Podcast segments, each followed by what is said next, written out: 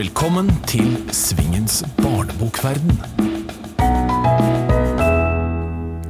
Velkommen til den 49. utgaven av Svingens barnebokverden. Som vanlig er det da to meget spennende forfattere som er i studio. Det er forfatter Konstanse Ørbekk Nilsen, og det er forfatter Magnus Buen Halvorsen. Konstanse, vi starter med deg. Velkommen. Takk skal du ha. Jeg har lyst til å lese et uh, lite sitat som jeg har uh, funnet på en presentasjon av deg. Og der står det 'Bøkene jeg har skrevet' setter søkelyset på barna, de voksne og deres frykt, løsrivelse, identitet, kommunikasjon eller manglende kommunikasjon, de eksistensielle spørsmål om livet, de usynlige barna, når barn må være de voksne, barn og Alzheimer, skyldfølelse og samvittighet, barn og krig. Det var ikke så lite. Nei, det er, eh, det er vel hele livet i én setning, egentlig. Jeg tenker jo Sånn gjelder jo for egentlig ganske mange forfattere. Hvis du da komprimerer alle temaene man har vært innom når man har skrevet en god del bøker, mm. så vil det jo fort eh, se sånn ut. Det er sant. Og det som gjør det annerledes, er vel egentlig fokuset. Hvem er det det handler om? Og, og, der står barna i sentrum for meg. Og det er fordi at de, de jeg, jeg ønsker at de skal få større rom. Både rundt seg og ikke minst inni seg. Og at de skal få bli kjent med hvem de Ikke hvem de er, for det kan vi aldri få et endelig svar på. Men, men det å begynne å gjøre en reise innover, det tror jeg er mye viktigere enn å lytte til alle disse stemmene på utsiden. Så det blir riktig å si at eksistensielle temaer er på en måte din uh, Hva skal vi si kategori? Ja, absolutt. Mm. Og, og, jeg syns at dette med undring er, en, er et uh, stikkord i det. Er du enig i det? Ja, selvfølgelig. Og, og undring og nysgjerrighet er uh, to utrolig viktige komponenter i et menneskeliv, og ikke minst i barns liv. Det er jo der vi starter, på en måte, og det er det vi veldig mange forlater. Men Blir det også en måte å beskrive deg på? Litt undrende, nysgjerrig? Veldig. Mm. Da jeg jobbet som journalist, så, så, fikk jeg mange klapp på skulderen, for jeg var kjempenysgjerrig, og jeg fant mange, mange saker som aldri hadde vært, uh, hadde vært funnet hvis ikke det var pga. meg. Kjempenysgjerrig. Virkelig, altså. Men Likevel så har du sluttet som journalist? Ja, det, var, det syns jeg Med fire barn og to hunder og en mann som jobba masse, så, så, ble de der deadlinene det ble for heavy. Så, og så ville jeg skrive i en prosess. Og det syns jeg var uh, fascinerende. Så i dag er du fulltidsforfatter? Ja. ja. Mm. Og du har likevel spesialisert deg på noe som, hvor du må dele royaltyen 50% med en illustratør, nemlig bildbøker. Ja, og det gjør jeg med glede. Altså jeg opplever at det å, å samarbeide med en som kan se ting helt annerledes, det, er, det åpner så mange nye dører i meg. Så det er en, det er en reise i opplevelser. Du eh, debuterte i 2009, og da hadde du altså gått eh, forfatterutdanninga på NBI. Eh, er dette prosjektet, som da ble til Ikke helt alene, som du jobbet med på den utdanninga? Hovedprosjektet, tenker du? Nei, langt ifra. Um, hoved, jeg, hadde flere, jeg, hadde flere, hovedprosjekt. Jeg hadde ett et, uh, hovedprosjekt som var egentlig en roman. Uh, som um, ja, som jeg har gjort om til voksenroman, men den ble litt refusert. Eller den ble ikke refusert, de ville at jeg skulle jobbe veldig mye med den. Men da var jeg ikke klar for å, for å gå inn i det formatet og jobbe sånn. Um, men um, ja, så var det en så var det en Ja, så var det en billedbok. Og det var uh, nesa til onkel Knut, faktisk. Ja. Mm. Så det var to prosjekter jeg hadde. Mm. Hva skjedde med nesa til onkel Knut? Det ble en bok. Det er bok nummer to med Ragnar ja, Aalbu. Ja. Og det er den ene boken jeg har med humor. Mm -hmm. Da tok jeg, eh, tok jeg, for meg familielikhet og hva man blir presset til å tro at man eh, ligner og sånne ting. Så det var altså Du jobbet med To av de prosjektene som du jobbet med i den utdanninga, har blitt i bøker? Nei, bare den ene. Bare den ene, ja. ok. Mm. Men er det sånn at du føler at du får uh, uvurderlig hjelp i en uh, sånn sammenheng? Uh, I NBI? Mm. Ja. Det mm. syns jeg var veldig, veldig bra. Det det skortet på, var vel tiden. Hva man hadde tilgjengelig av tid for å kunne gå inn i alle de prosjektene. Og så var det utrolig spennende å jobbe med Ragnhild Mele og, og dra, dramatikk eller dramatekster. Det elsket jeg. Og det er det jeg jobber med nå prøver å gjøre om til en roman, en sånn dramatekst.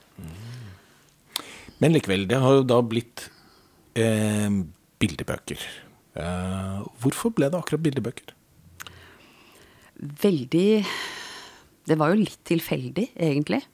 For på Barnebokinstituttet så kunne du jo velge sjanger eh, fullstendig. Men eh, nei, det er noe med den Kanskje det litt sånn tilnærmet likt dikt at det er litt kortere formuleringer, det er bilder som kan beskrive en helsides historie, f.eks. Og så er det, det den bonusen å jobbe med noen som lager bilder. Som utfordrer teksten og inkluderer teksten, bygger ut teksten. Ja, for det er jo nettopp det som er bildboka. Den skal jo ikke bare illustrere en tekst, den skal gi så mye mer til ja. den teksten. Ja. Det er nettopp det. Er det vanskelig å finne de som illustratørene? Nei, altså jeg eh, Som gjør det?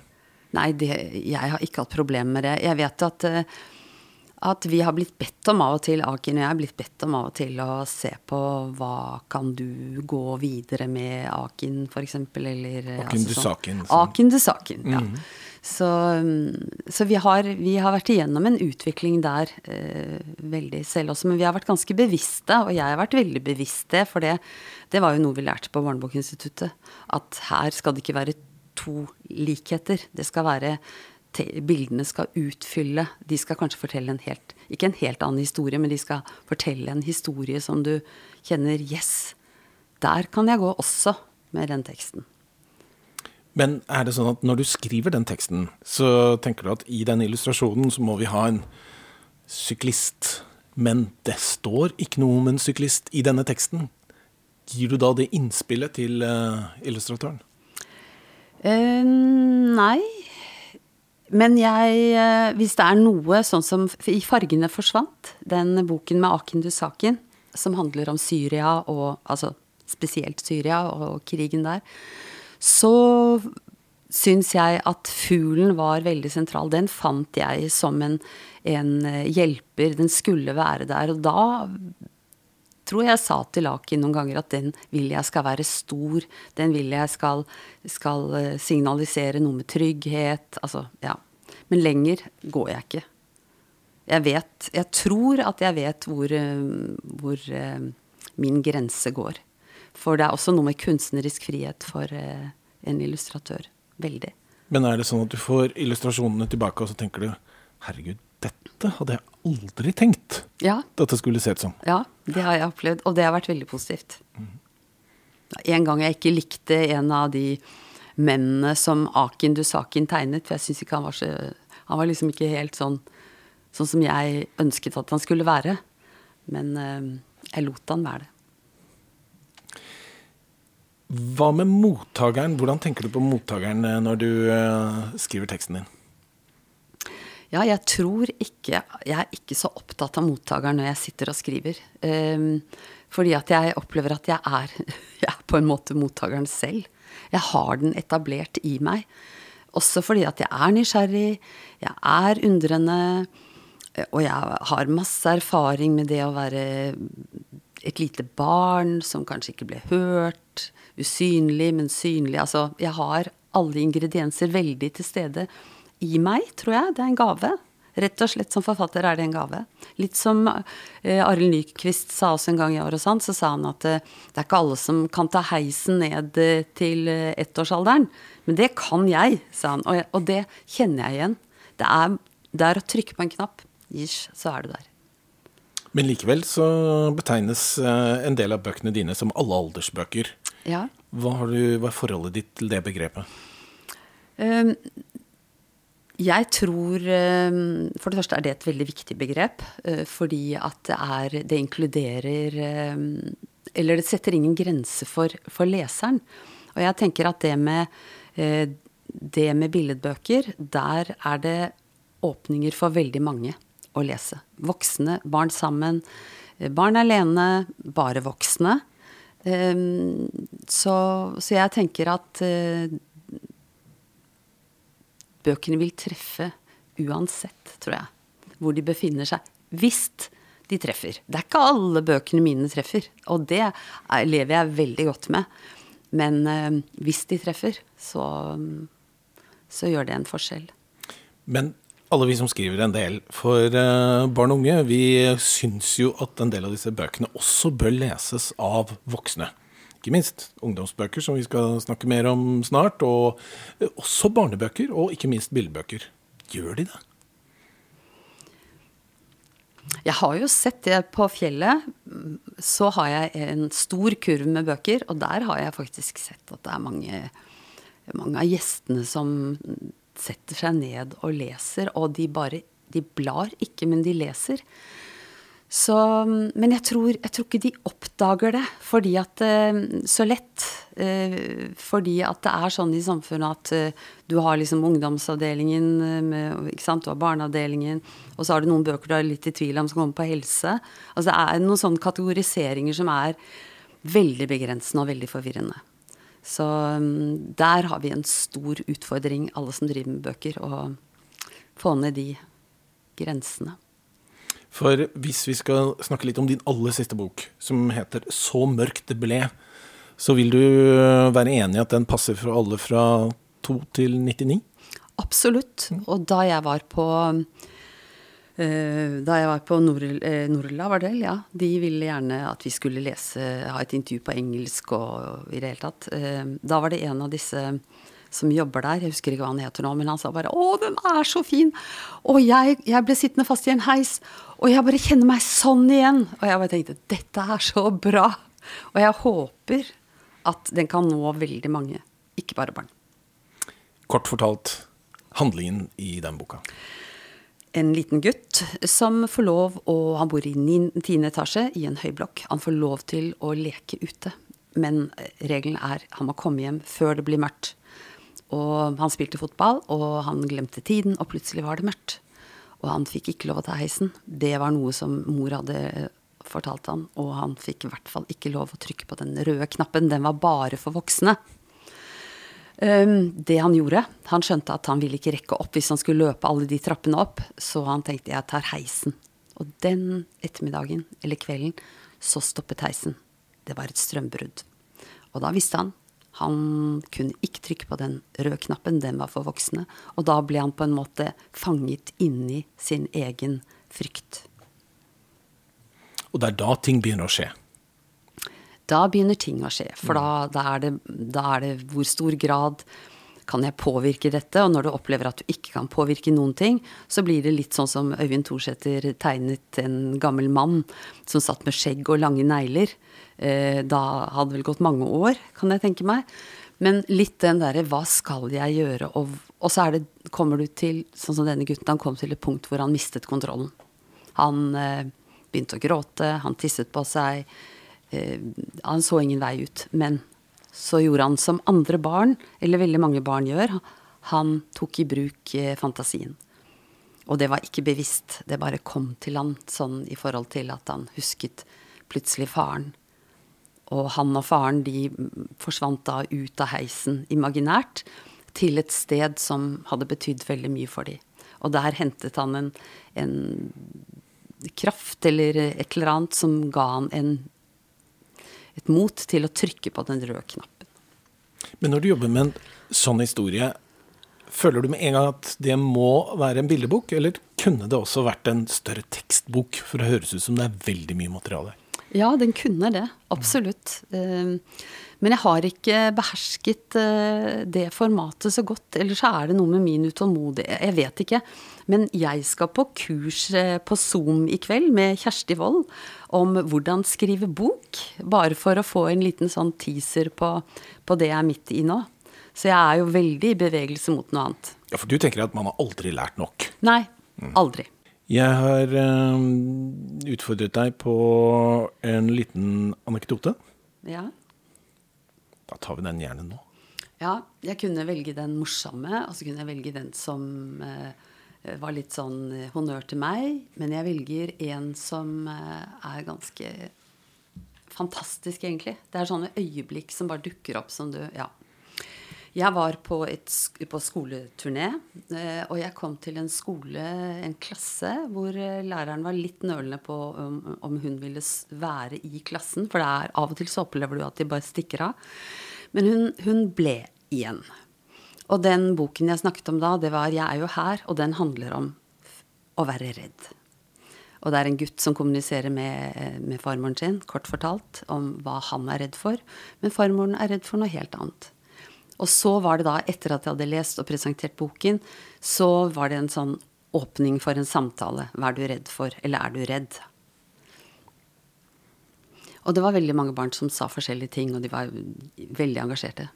Inntil plutselig så var det en liten stemme som sa 'Jeg er redd'. Og det ble helt stille i klassen. Det var ingen som sa noe.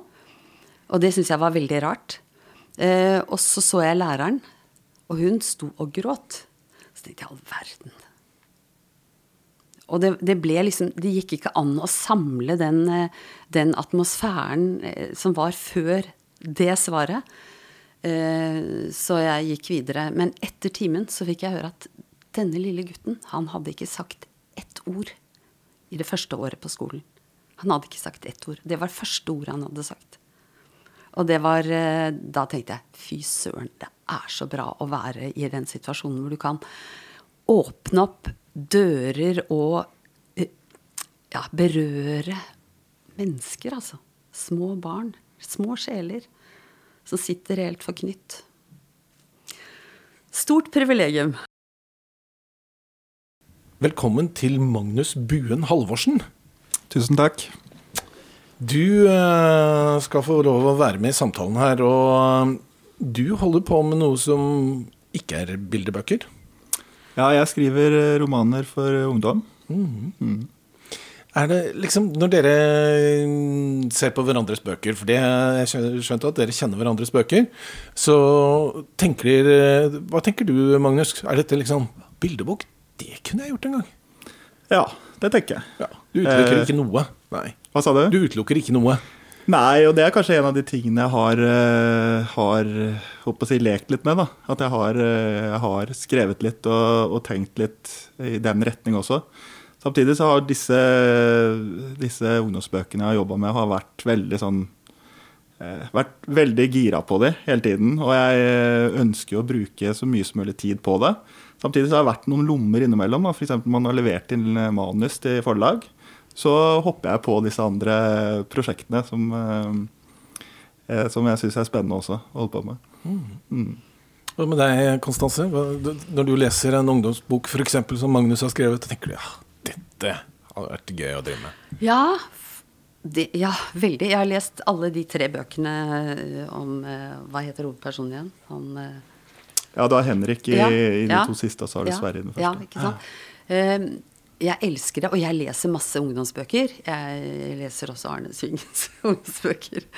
Veldig. Og, jeg leser mye bøker for ungdom. Og jeg har jo også skrevet en roman for ungdom, egentlig. Det har jeg glemt. Kortroman. Men eh, så, så det, det formatet, det, det liker jeg å lese. Men. Ja. når du leser forskjellige bøker og, og, og holder på med deres egen tekst og sånn, er det noe dere tenker at åh, akkurat noe spesielt som jeg kunne ønske jeg var bedre på i mitt kunstneriske virke? Har dere noe sånt?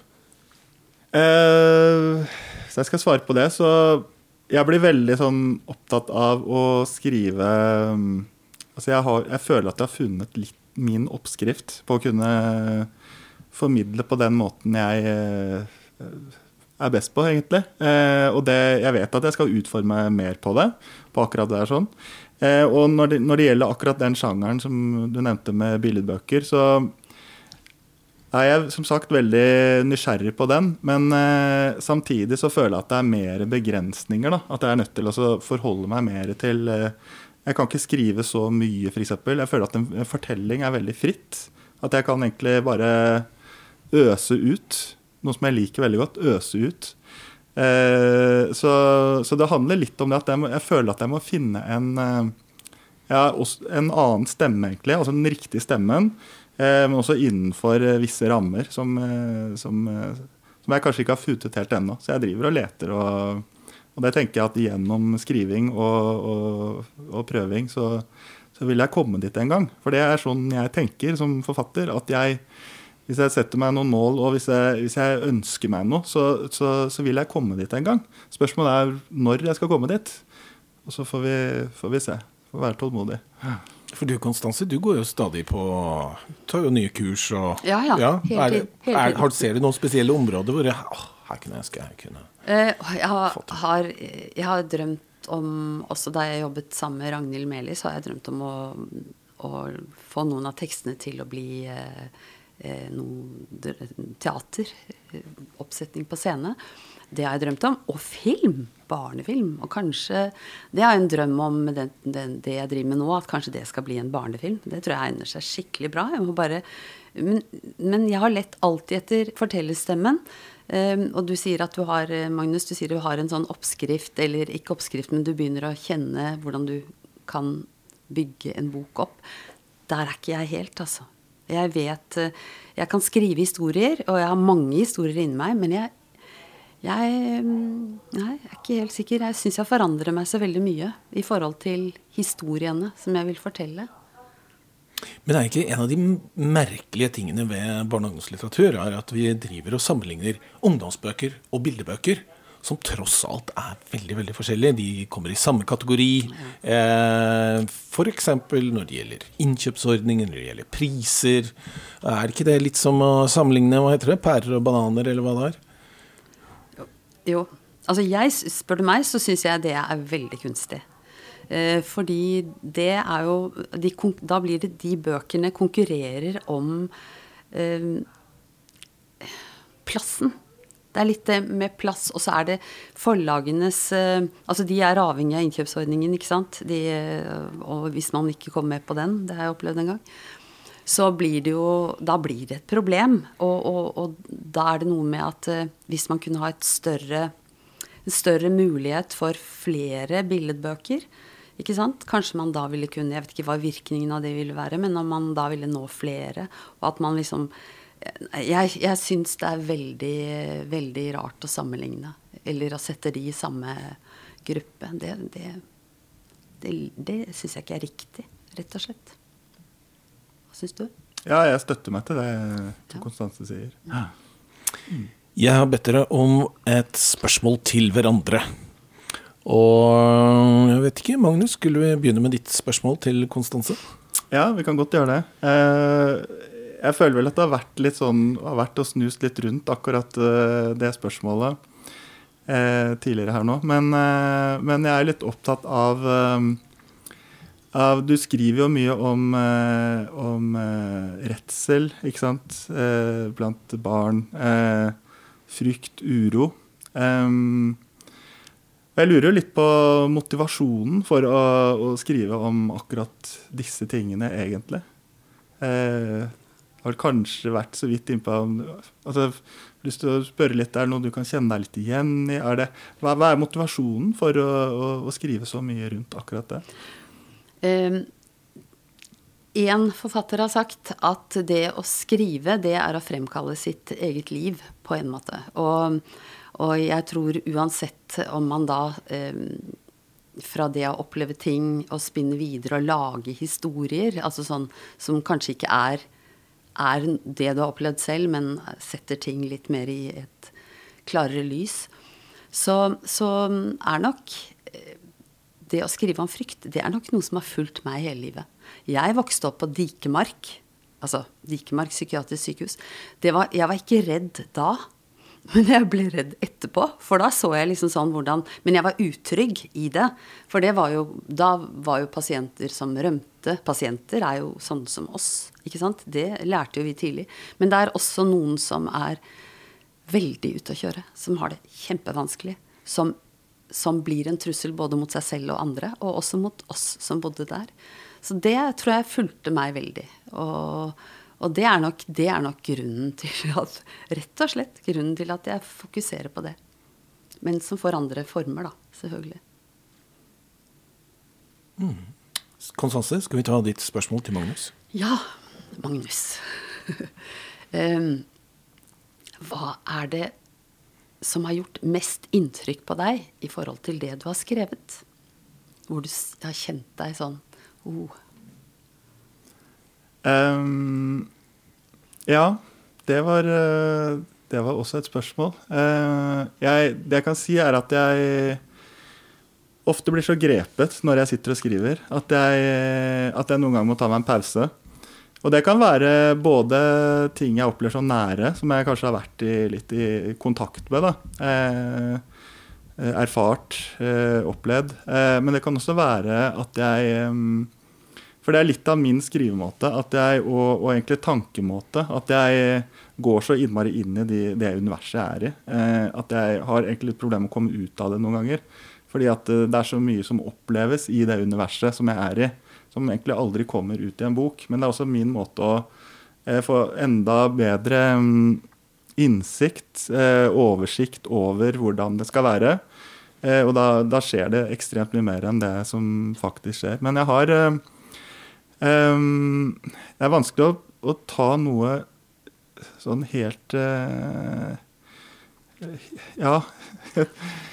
Hvis jeg skal Men det, det, som, det som er, er at uh, når når jeg kan kjenne på at, uh, at hovedpersonen f.eks., eller noen i, i bøkene mine, barn eller unge, føler seg veldig veldig alene og, og, og, og ikke klarer å finne noen eh, Klarer ikke å finne nøkkelen til å komme videre, eller til å finne en mening i hverdagen. Eh, det er noe som, eh, som jeg syns er veldig sterkt å skulle skrive om. Og det blir jeg veldig grepet av. Og da, det jeg ofte gjør da, det er at jeg skriver egentlig for min egen del eh, gjennom kanskje det, det, det, det området i boka. Og så må jeg heller gå, øh, gjennomarbeide det veldig veldig mange ganger etterpå. Og da, da bryr jeg meg ingenting om om det, dette blir veldig sentimentalt, eh, og sånne type ting. Men det blir viktig for meg, og riktig for meg der og da, for å komme meg gjennom det partiet. Eh, og så tar jeg det opp igjen mange ganger seinere. Og, og det kan ende veldig annerledes. Mm. ja. Da sier vi tusen takk til deg, Konstanse. Tusen takk for at jeg fikk lov å komme, Arne. Bra. Så skal vi ta og konsentrere oss uh, ene og alene om uh, ditt forfatterskap, uh, Magnus.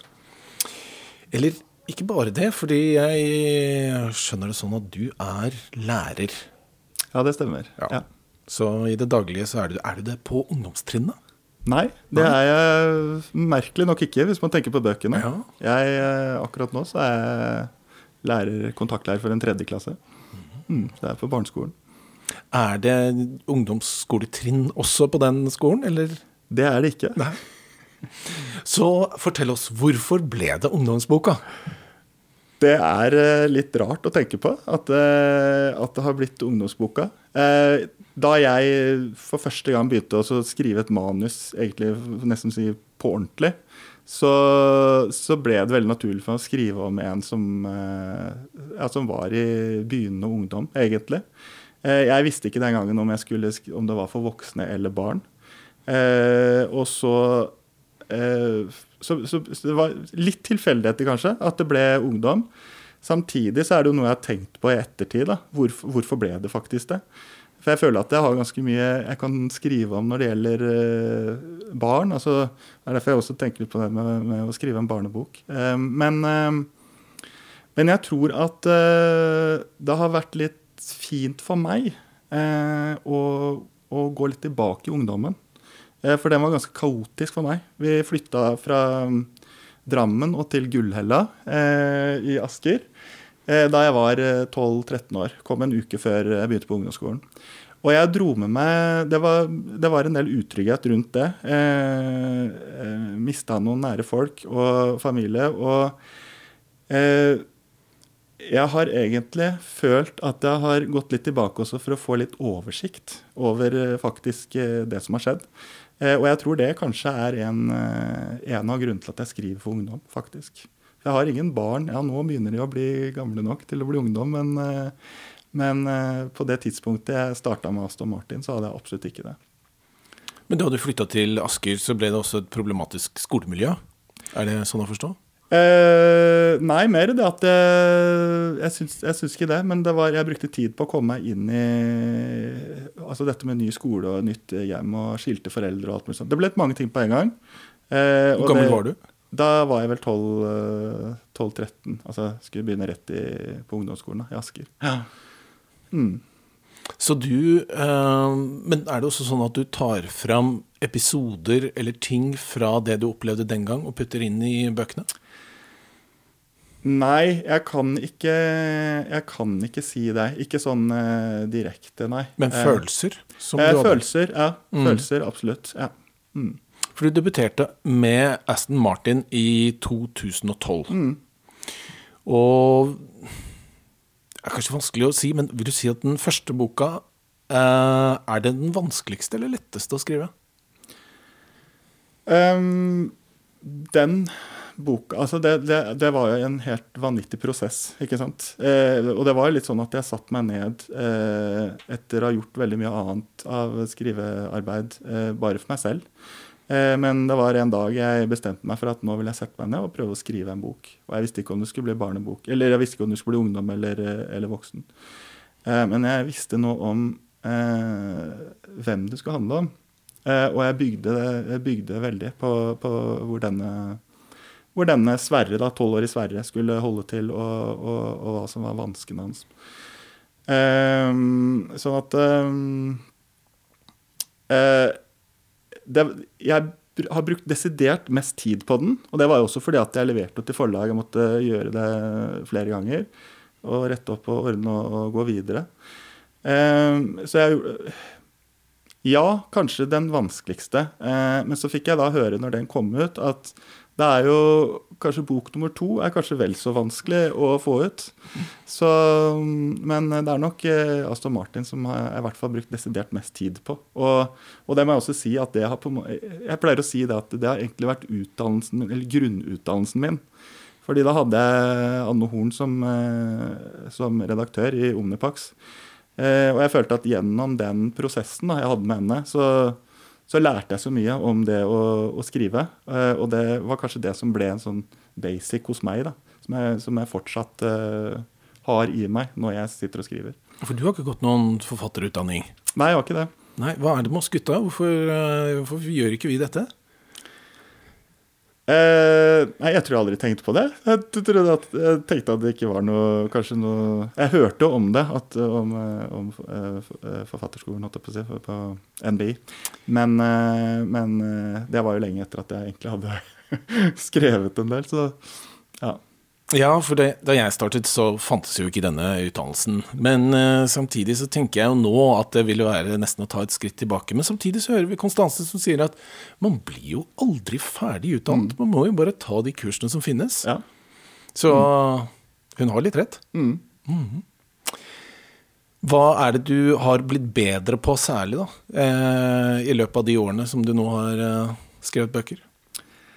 Ehm, jeg tror nok at jeg har blitt bedre på å, å se ting litt klarere. Eh, jeg sa i stad at jeg går veldig inn i det universet. Og sånn som på Aston Martin, så, så brukte jeg et halvt år hvor jeg egentlig gikk rundt i skogen med bikkja mi og bare bygde og bygde og bygde og gikk inn i Og jeg elsket jo å, å ta med bikkja. Gjorde det mer enn noen gang.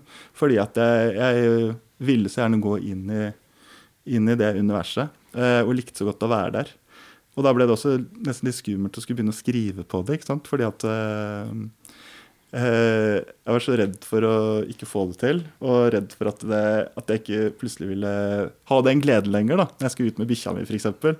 Du plutselig skulle, bli, skulle begynne å tenke på andre kjedelige ting isteden. Men eh, jeg tror jeg ser ting klarere, og jeg tror jeg er blitt flinkere til å eh, jeg tror jeg har blitt litt flinkere til å strukturere meg. Eh, at jeg ikke må ta så mye ikke, skrive så mye og stryke så mye. Eller skrive om igjen så mye. Eh, selv om jeg Det er fortsatt en av måtene jeg skriver på. Eh, og så tror jeg at jeg eh, er, Jeg er jo veldig sånn at jeg, jeg er litt sånn det, det, sier sikkert andre forfattere også, men jeg liker å ha en, en start. og så hvor jeg ønsker å komme. ikke sant? Og så ønsker jeg å ha veldig mye frihet da, eh, underveis. Eh, og det tror jeg handler veldig mye om min måte Jeg har en utrolig kjærlighet til å skrive, det må jeg bare si. Jeg er utrolig glad i å skrive.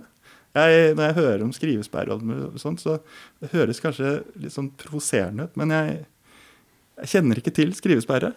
Jeg skriver i vei, og om jeg ikke treffer akkurat på det jeg skal, så skriver jeg om noe disse personene i bøkene og sånn opplever. Som jeg kanskje ikke kan bruke i boka i det hele tatt, men, men, eh, men jeg koser meg med å, å være der. Så, og da skjønner jeg sikkert at jeg er en sånn som kan skrive veldig mye sånn Det er ikke så struktur på det, så det med å få strukturert det litt mer eh, har jeg nok blitt bedre på. Eh, og så har jeg nok blitt litt bedre å tenke målgruppe. Eh, litt mer dramaturgi. Eh, ja. Det har jeg nok eh, blitt litt bedre på og mer bevisst på. Mm. Men når vi er inne på målgruppe, så er det jo et tema som gjerne er litt tilbakevendende når det gjelder ungdomslitteratur, mm. og det er dialogen. Mm. Hvor har du valgt å legge deg, og hvorfor? Ja, Tenker du nå på Jeg tenker på det å bruke hva slags type uttrykk du bruker. Ja. Eh, mm. Slanguttrykk eventuelt, mm. hvis du gjør det. ikke sant? Ja. Hvordan du eh, får eh, en hvordan en mann på Nå vet jeg ikke akkurat hvor gammel du er. På noen og 20-30 ja, ja. får da lagt ordene i munnen på en 15-åring. Ja. Først må jeg si det at uh, jeg bruker veldig mye dialog. Uh, jeg syns det er en veldig fin Eller for meg så blir det veldig drivende. At jeg kan få fram um, Altså, det blir god driv i fortellingen, føler jeg sjøl. Men, men ja, i den siste boka som kommer nå i, i februar, så så er det jo tilbake til disse 13-14-åringene som driver med YouTube-kanal og med litt forskjellig bakgrunn eh, og litt slanguttrykk og alt mulig sånn. Og da, da ble det Og alle disse YouTube-uttrykkene med pranks og, og, og, Ja, i det hele tatt. Og, og, det, og, da ble det Da måtte jeg snakke litt med redaktøren min om For det kan bli litt i overkant hvis jeg skal gå helt inn i dette. Eh, jeg, så jeg liksom Jeg prøver å være ikke en, en 14-åring og gå helt inn i det, men heller prøve å bruke noen uttrykk, og så heller Uh, ja, litt vanskelig å si akkurat. Men, uh, men jeg går ikke helt inn i det. Jeg er litt redd for at jeg skal være en sånn uh, en sånn Er 47 her? Ja, det er 47 her nå, vel. en 47-åring som liksom prøver å være Jeg har jo en datter på 14, og hvis jeg prøver for mye der, så, så blir det bare kleint også. Så jeg har liksom tenkt litt der. At jeg går ikke så innmari inn i det. Så, Men hvor ja. går grensa? Hva, hva, hvilke ord kan du ha, ha med i dialogen din?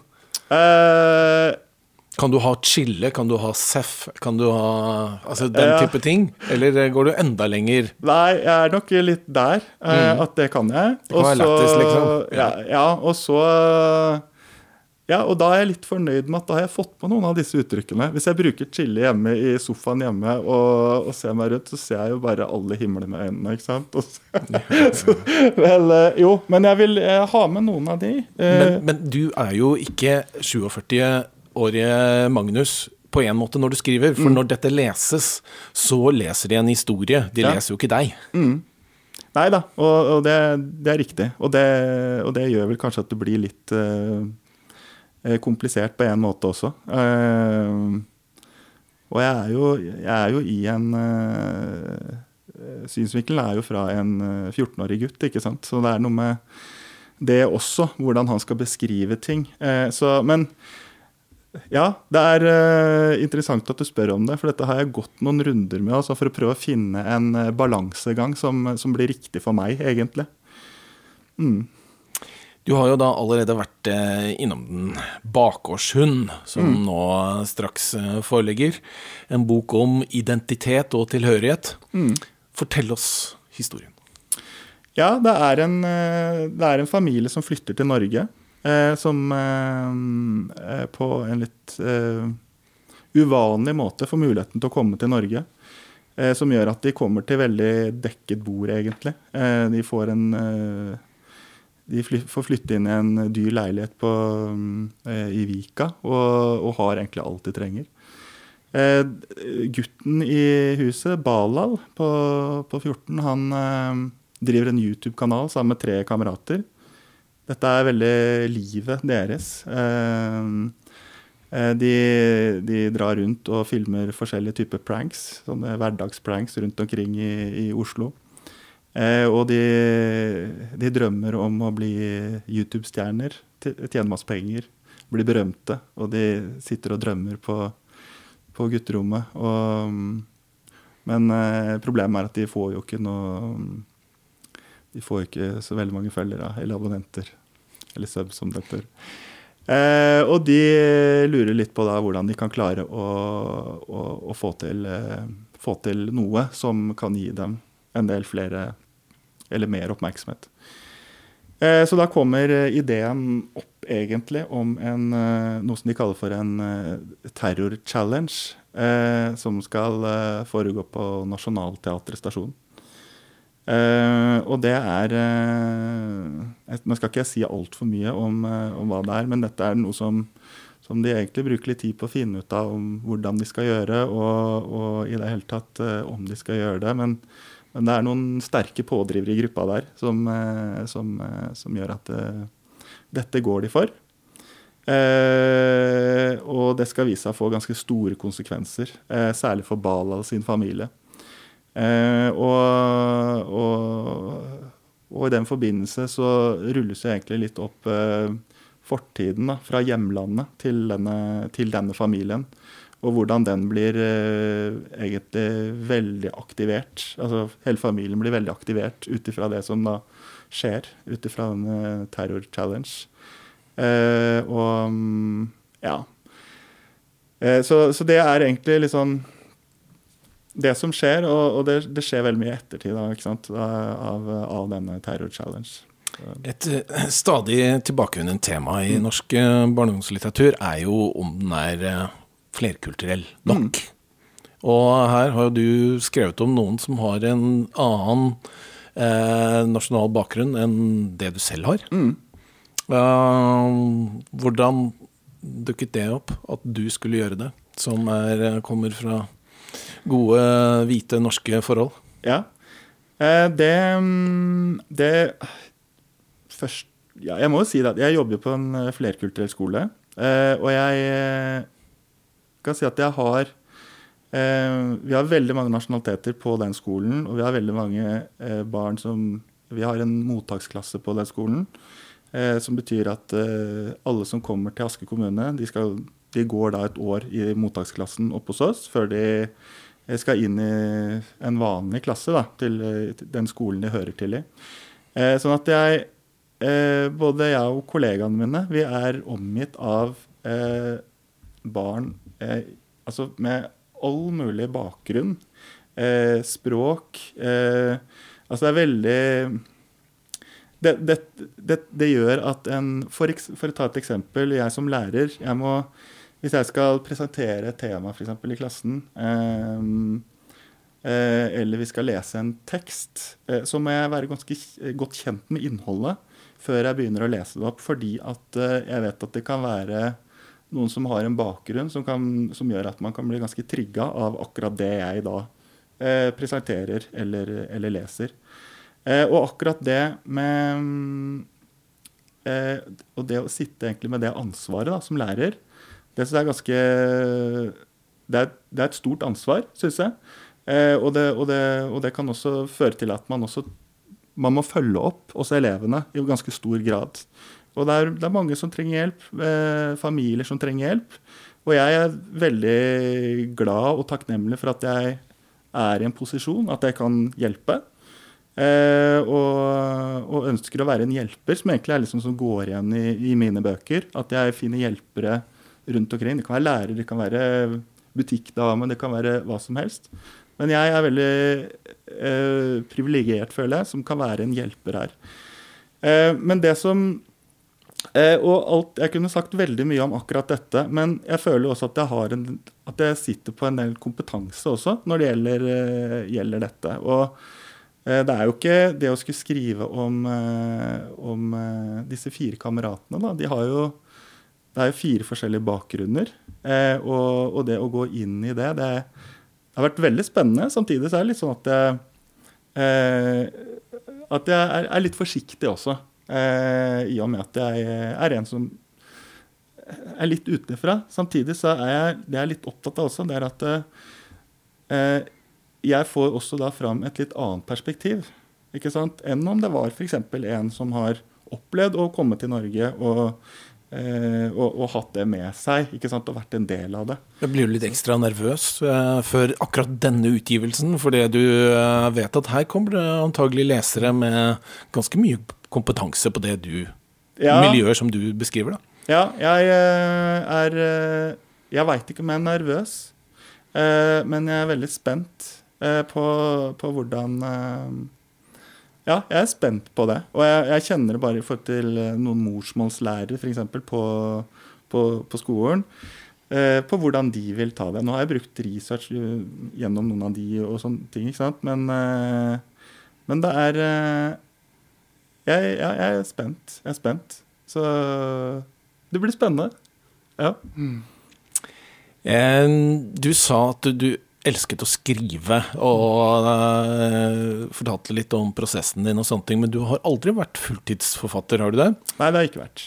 Men er det sånn at du da blir ekstra flink til å på en måte få sette av tid i ditt uh, dagligliv utenom jobben? Og kanskje gleder deg mer til det enn oss andre som vet om vi har hele dagen foran oss og kan sitte og jobbe med dette? Eh, det kan hende. Mm. må, og der kommer den der eh, struktureringen igjen. Jeg må, jeg må, jobbe veldig strukturert. Og når jeg, har, når jeg, har, tid, så vet jeg at jeg kan ikke sitte og gjøre ingenting da. Da må jeg bruke tiden veldig godt. Eh, og, jeg, og jeg hopper jo på, hopper på PC-en for å, å, bare komme i gang. For eh, da har jeg kanskje ikke skrevet på flere dager, og jeg har gleda meg til å, til å skrive videre på det jeg har gjort. Så, så da skal det skrives. Mm. Jeg har bedt deg om en uh, anekdote fra ditt forfatterliv. Nå er jeg spent. Ja. Jeg har jo vært veldig lite rundt. Jeg har uh, vært uh, lærer og vært veldig konsentrert om det. Og syns det har vært vanskelig å få til akkurat den biten med å dra rundt. Så jeg har egentlig lyst til å, å si litt om Eller jeg fikk en bokidé som egentlig var starten på den boka som skal komme ut nå. Eh, som egentlig har eh, Den har fått mindre og mindre betydning, egentlig. Men eh, det handla om en eh, Det handla om en sofa. Eh, og jeg tenkte liksom på mm, at jeg kunne bruke en sofa som et utgangspunkt. Og det, var, og det er rett og slett eh, en liten historie bak det. Fordi at da vi bodde i et litt trangt rekkehus for noen år siden, så hadde vi to sånne Ikea-sofaer. Ikke ikke noe glis av noen sofaer. Men vi tenkte at uh, vi tenkte at vi trengte bare én av dem. Vi begynte å få ganske mange barn etter hvert også, så trengte mer plass i stua. Og så bestemte vi oss for å, å, å selge den ene sofaen. De var helt like, så vi liksom uh, tenkte at da kunne vi ta de, eh, den sofaen, eller de putene, som hadde minst rømmesøl fra taco og alt mulig sånn fra barna og alt mulig rart. Eh, de, kunne, da kunne vi gi bort de eh, putene, altså legge de putene i den sofaen vi skulle selge. Og så kunne vi kanskje få litt penger for det. Og så er det kona mi som selvfølgelig legger ut alt av sånne Finn-annonser.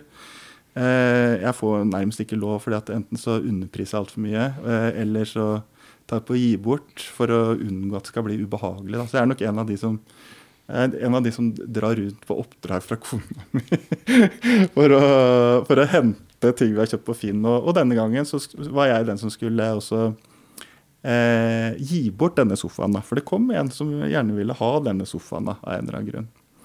Eh, så jeg ordna, og så fant jeg denne sofaen, eh, eller satte den fram i gangen og sånn. Og så, så, kom denne hyggelige karen, da. Eh, Men da så jeg i det sterke lyset nede i gangen vår, så så jeg det var jo fortsatt masse rømmeflekker og sånn da, på den. En hadde tatt de fineste putene. Og jeg som er livredd for å bli tatt for å være uredelig i, i sånne sammenhenger, jeg løp og fant fram klut og skulle begynne å pusse og sånn. Og han lurte på hva jeg gjorde. Og, og jeg, eh, jeg sa det at det går jo ikke an å gi bort noe sånt. Eh, så nei da, du trenger ikke det, bare glem det sånn. Og jeg, så begynte jeg å fortelle om at disse putene eh, Det står at trekket ikke kan vaskes i vaskemaskin, men vi har prøvd det, og det går. For vi har måttet vaske de ganske mange ganger, de, de sofaputene hjemme hos oss. Eh, men han var veldig klar på at nei, det Jeg vil faktisk ha litt rømmeflekker. Jeg vil at det skal være litt sånn At den har blitt brukt. At den har blitt brukt til noe. Så OK, sa jeg. Så hjalp han ut i bilen. Og så, og så det vi har fått liksom om bord der, så du skjønner, den skal være med i en film, den eh, sofaen her, sånn, sa han. Ja vel, ja, sa jeg. Så spennende, liksom. Og så, og så gikk det et drøyt år eller noe sånt. Og da satt jeg og kona mi og så på en film som heter Babycall. Jeg vet ikke om dere husker den? Med Kristoffer Joner. Mm, jeg har sett den. En veldig spennende. Og i ganske tidlig der så ser vi sofaen vår står med rømmeflekker og alt det der. Og, eh, og, det var, eh, og det var jo sprøtt, selvfølgelig. Nå var liksom sofaen vår blitt kjendis og, og morsomt og alt det der. Men, eh, men jeg tenkte liksom Det er det er jo utrolig egentlig hva som skjuler seg i en sofa. Eh, et, et helt liv, ikke sant. Eh, og hvilke relasjoner egentlig som kan eh, bygges opp i en, eh, eh, i en sofa og, og, i det hele tatt. Så det var det var egentlig det, det var egentlig ideen min. At, at, denne sofaen var noe jeg kunne ta med meg videre. Og brukte egentlig denne historien litt i sånn ja, med tanke på den historien, rett og slett. Så, ja. Så da vet vi jo litt om hva din eh, neste bok igjen handler om, da. Ja, og det er det som er det morsomme. At den sofaen var jo utgangspunktet. Og så har den egentlig fått en mindre og mindre rolle, og nå har den bare en bitte, bitte liten rolle inne på et lite rom. så, så det, er, det, er, rart med det. Men uh, kanskje, kanskje, det var det som skulle til, akkurat denne sofaen, for at jeg skulle få akkurat den historien som jeg har fått. Mm. Fint, eh, Magnus. Tusen takk for at du kom. Jo, takk. Hyggelig å være her. Takk til eh, Deichman for eh, lån av studio. Svingens barnebokverden er tilbake om én måned. Da er gjestene Ingeborg Arvola og Eldrid Johansen. Vi høres snart. Du har hørt på Svingens barnebokverden med Arne Svingen.